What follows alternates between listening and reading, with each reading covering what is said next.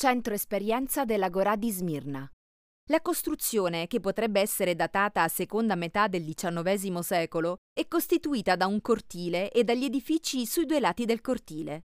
Centro esperienza dell'Agorà di Smirna. Viene realizzato nell'ambito del progetto Patrimonio Culturale Vive, avviato da parte dell'associazione La nostra città Izmir ed è attuato dal Ministero di Cultura e Turismo, con i contributi dell'Unione Europea, nell'ambito del programma Patrimonio Culturale Comune, tutela e dialogo tra la Turchia e l'Europa, programma di sovvenzioni secondo, CCH secondo. Per fare in modo che i visitatori abbiano un'informazione più dettagliata sul sito archeologico visitato l'esperienza della realtà virtuale VR, modello in plastica, pannello digitale, chiosco e mezzi ed applicazioni come documentari, possono essere provati da parte dei visitatori in questo edificio.